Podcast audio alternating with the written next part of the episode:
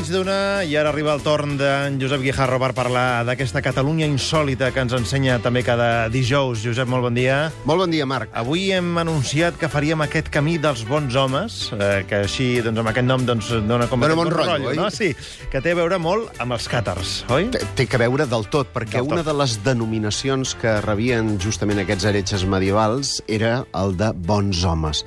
Una discussió acadèmica que ara ens duria cap a altres eh, derroters que no venen al cas, però sí és veritat que el camí que farem avui és una espècie de camí de Sant Jaume herètic, perquè eh, durant l'edat mitjana era una ruta de peregrinació i també comercial. Hem de dir que Catalunya tenia molts llaços de connexió amb els càtars. Sabadell, per exemple, fixa't que és lluny eh, de, de, de la zona càtara, sí. doncs mantenia rutes comercials de la llana, perquè molts dels càtars tenien a veure justament amb aquesta filatura, o la Seu d'Urgell, on hi va anar a parar el darrer dels eh, bisbes càtars, el conegut com a Belibasté, i que té una història també eh, que ens duria cap a les profecies del Llorer.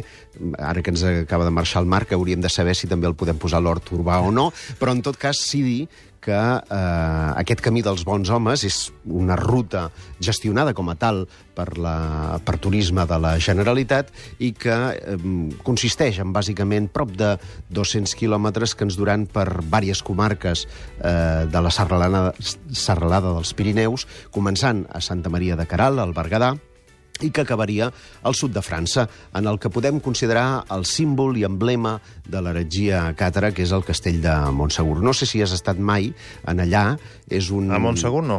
És un castell impressionant, al capdamunt del que els francesos diuen un poc, no? un pic, i que ja només veure'l impressiona pel sol fet de saber com dimonis van pujar tota la quantitat de pedra que hi ha al capdamunt. I que, a més a més, eh, té tota la història, eh, podem dir, mm, eh, quasi mitològica, de que allí va ser el, el darrer lloc on tenim constància que s'hi va guardar el Graal, perquè recorda que hi ha tota una mistificació, sobretot després de conèixer a través del Dan Brown i el seu codi da Vinci, eh, de cercadors eh, d'aquesta relíquia cristiana, que és curiós perquè els càtars no, que se sàpiga, eh, mai van erigir cap església, ells ho detestaven, van ser perseguits, entre altres coses, la, la raó oficial és que no pagaven, eren insubmisos econòmics perquè el, el poder de l'Església, i per això la Inquisició s'hi va posar a sobre, però també hi havia altres raons de caire moral o polític, com el fet de que eren els precursors dels matrimonis eh, civils. Ells, eh, o, o, més que civils, diem, diem de parella de fet. Homes i dones podien conviure sense que fos pecat i tenir fills i descendència. Les dones podien ser també bisbes de l'Església càtara i diguem-ne, tot un pensament que eh, tenia a Crist com una idea eh, que encara no havia encarnat, no podia encarnar la carn perquè la carn suposava, en aquest cas, el, el pecat. Tot això fa que entorn als càtars hi hagi ara una espècie de revival, atès que el, la nova New Age, no? aquesta filosofia eh, molt moderna, mira d'encarnar els valors aquests eh, mitjavals del segle XI i segle XII principalment. Estem parlant, per tant, d'aquest camí dels bons homes, que dius eh, gairebé 200 quilòmetres, per tant, parlarem d'alguns trams concrets i, o, o, de, o de trams que podem fer fins i tot en bicicleta o, o en altres eh, mitjans de, de transport, no? Bona observació, Marc, perquè mm, diem d'anar a gaudir de la natura i, clar, anar amb el cotxe que ho podem fer-ho, eh? però no podem, eh, per dir-ho així, gaudir dels paisatges si ho fem a cavall, que és una possibilitat, en bici o, sobretot, eh, a peu. Eh, perquè pensa que bona part d'aquest camí, que passa doncs, per les comarques de la Berguedà, la Cerdanya, l'Alt Urgell, el Solsonès o el departament francès de l'Ariège, bona part del recorregut passa pel, eh, pel Parc Natural del Cadí-Moixeró, el impressionant Pedraforca, que a més ens duria cap al món de les bruixes, des d'un punt de vista antropològic. No? Tot això fa que sigui un paisatge extraordinari que comença, insisteixo, a la, a la cova on es va trobar la verge de la Mària de Déu de, de Caralp, on si ens posem a, a, davant la porta, veurem que el capdamunt està coronada justament per una creu càtara. És curiós, no?, perquè estem en un santuari catòlic i està presidit per una eh, creu heretja, una creu eh, càtara. Després podríem continuar, per exemple... Bé, allà podem gaudir, a més a més, d'una panoràmica extraordinària, 1.200 metres d'alçada, de tota la comarca del Berguedà, que ja només per això val la pena anar a visitar-ho. Però eh, podem anar a fer també una parada a un poble eh, maco mm, i, a més a més, amb, amb certes dosis històriques, que és el de Gòsol.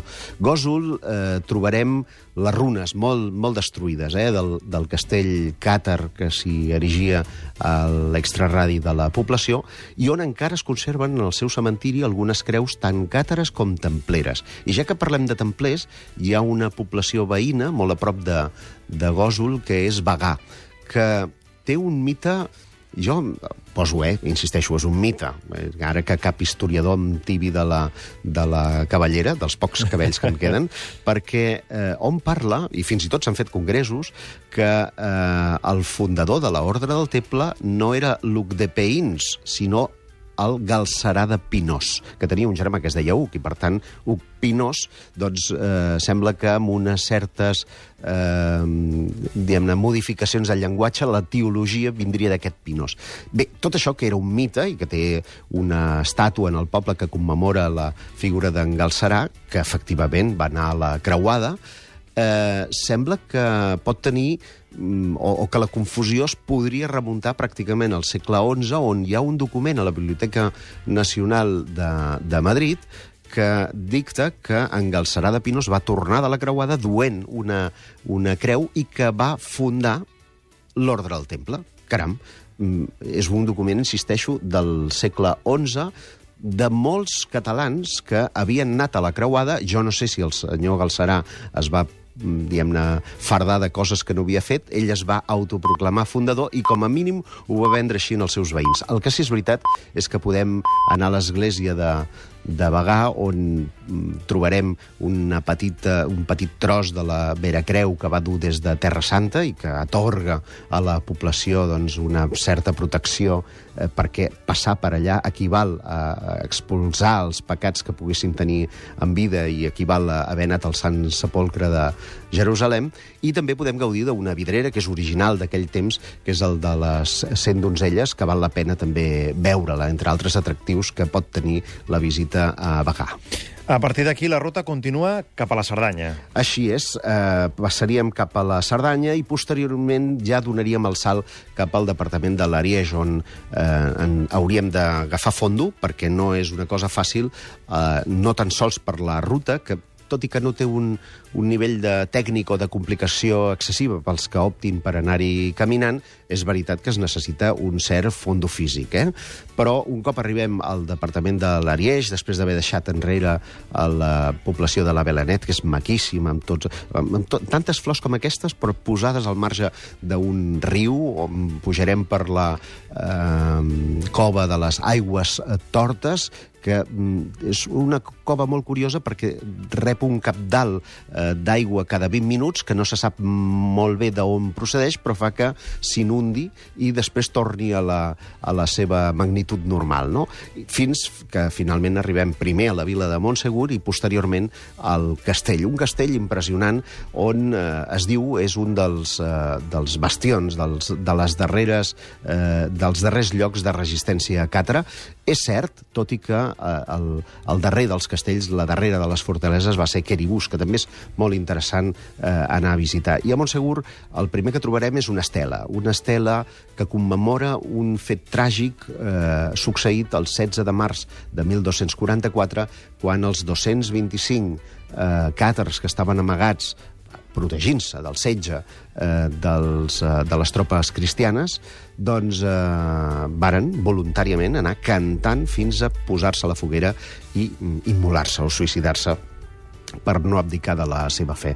És curiós perquè eh, quan, quan el, el senyor del castell doncs, eh, va lliurar les claus i, i per tant, abdicava no, del el setge, eh, va dir que deixessin dues setmanes. No sabem si aquestes eren per una preparació espiritual dels seus, dels seus 225 resistents, si havien de professar aquest consolamentum, que era una, una mena d'extrema opció o de eh, màxima voluntat última abans d'aconseguir eh, el seu paradís. Sigui com sigui, s'especula que en aquestes dues setmanes van desaparèixer les dues coses que eh, ambicionaven els cristians. L'una eren els documents i els diners de l'església càtara, que tot i que no tenien temples, necessitaven calés per funcionar, i l'altra era el mític grial. I és que diu la llegenda que la nit abans de que lliuressin ja les claus del castell es van despenjar pel costat nord, que és el, segurament el més escarpat de la, de la fortalesa,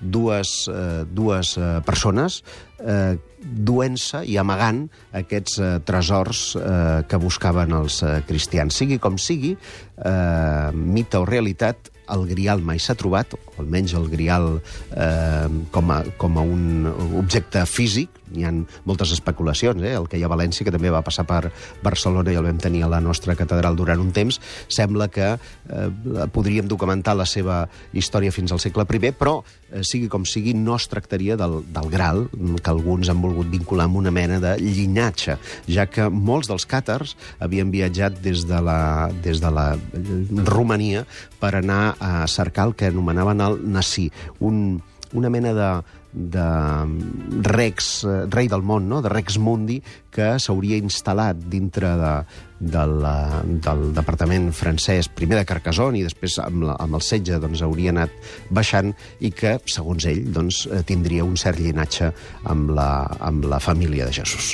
Hem recorregut aquest camí dels bons homes, que m'imagino que per qui vulgui fer-lo està ben indicat. I sí, hi ha pot... unes senyals de color vermell i blanc que recorren tot el camí i si no ens uh, aturem, doncs uh, el, el anirem trobant uh, a mesura que avancem a la nostra ruta. Qui vulgui tenir més informació? Tenim alguna adreça per donar-li perquè pugui informar-se millor? Sí, eh, poden anar a, a, a Berga, concretament, trobaran el Consell Regulador del Camí dels Bons Homes, al carrer de la Vinya número 1 de Bagà, 08695.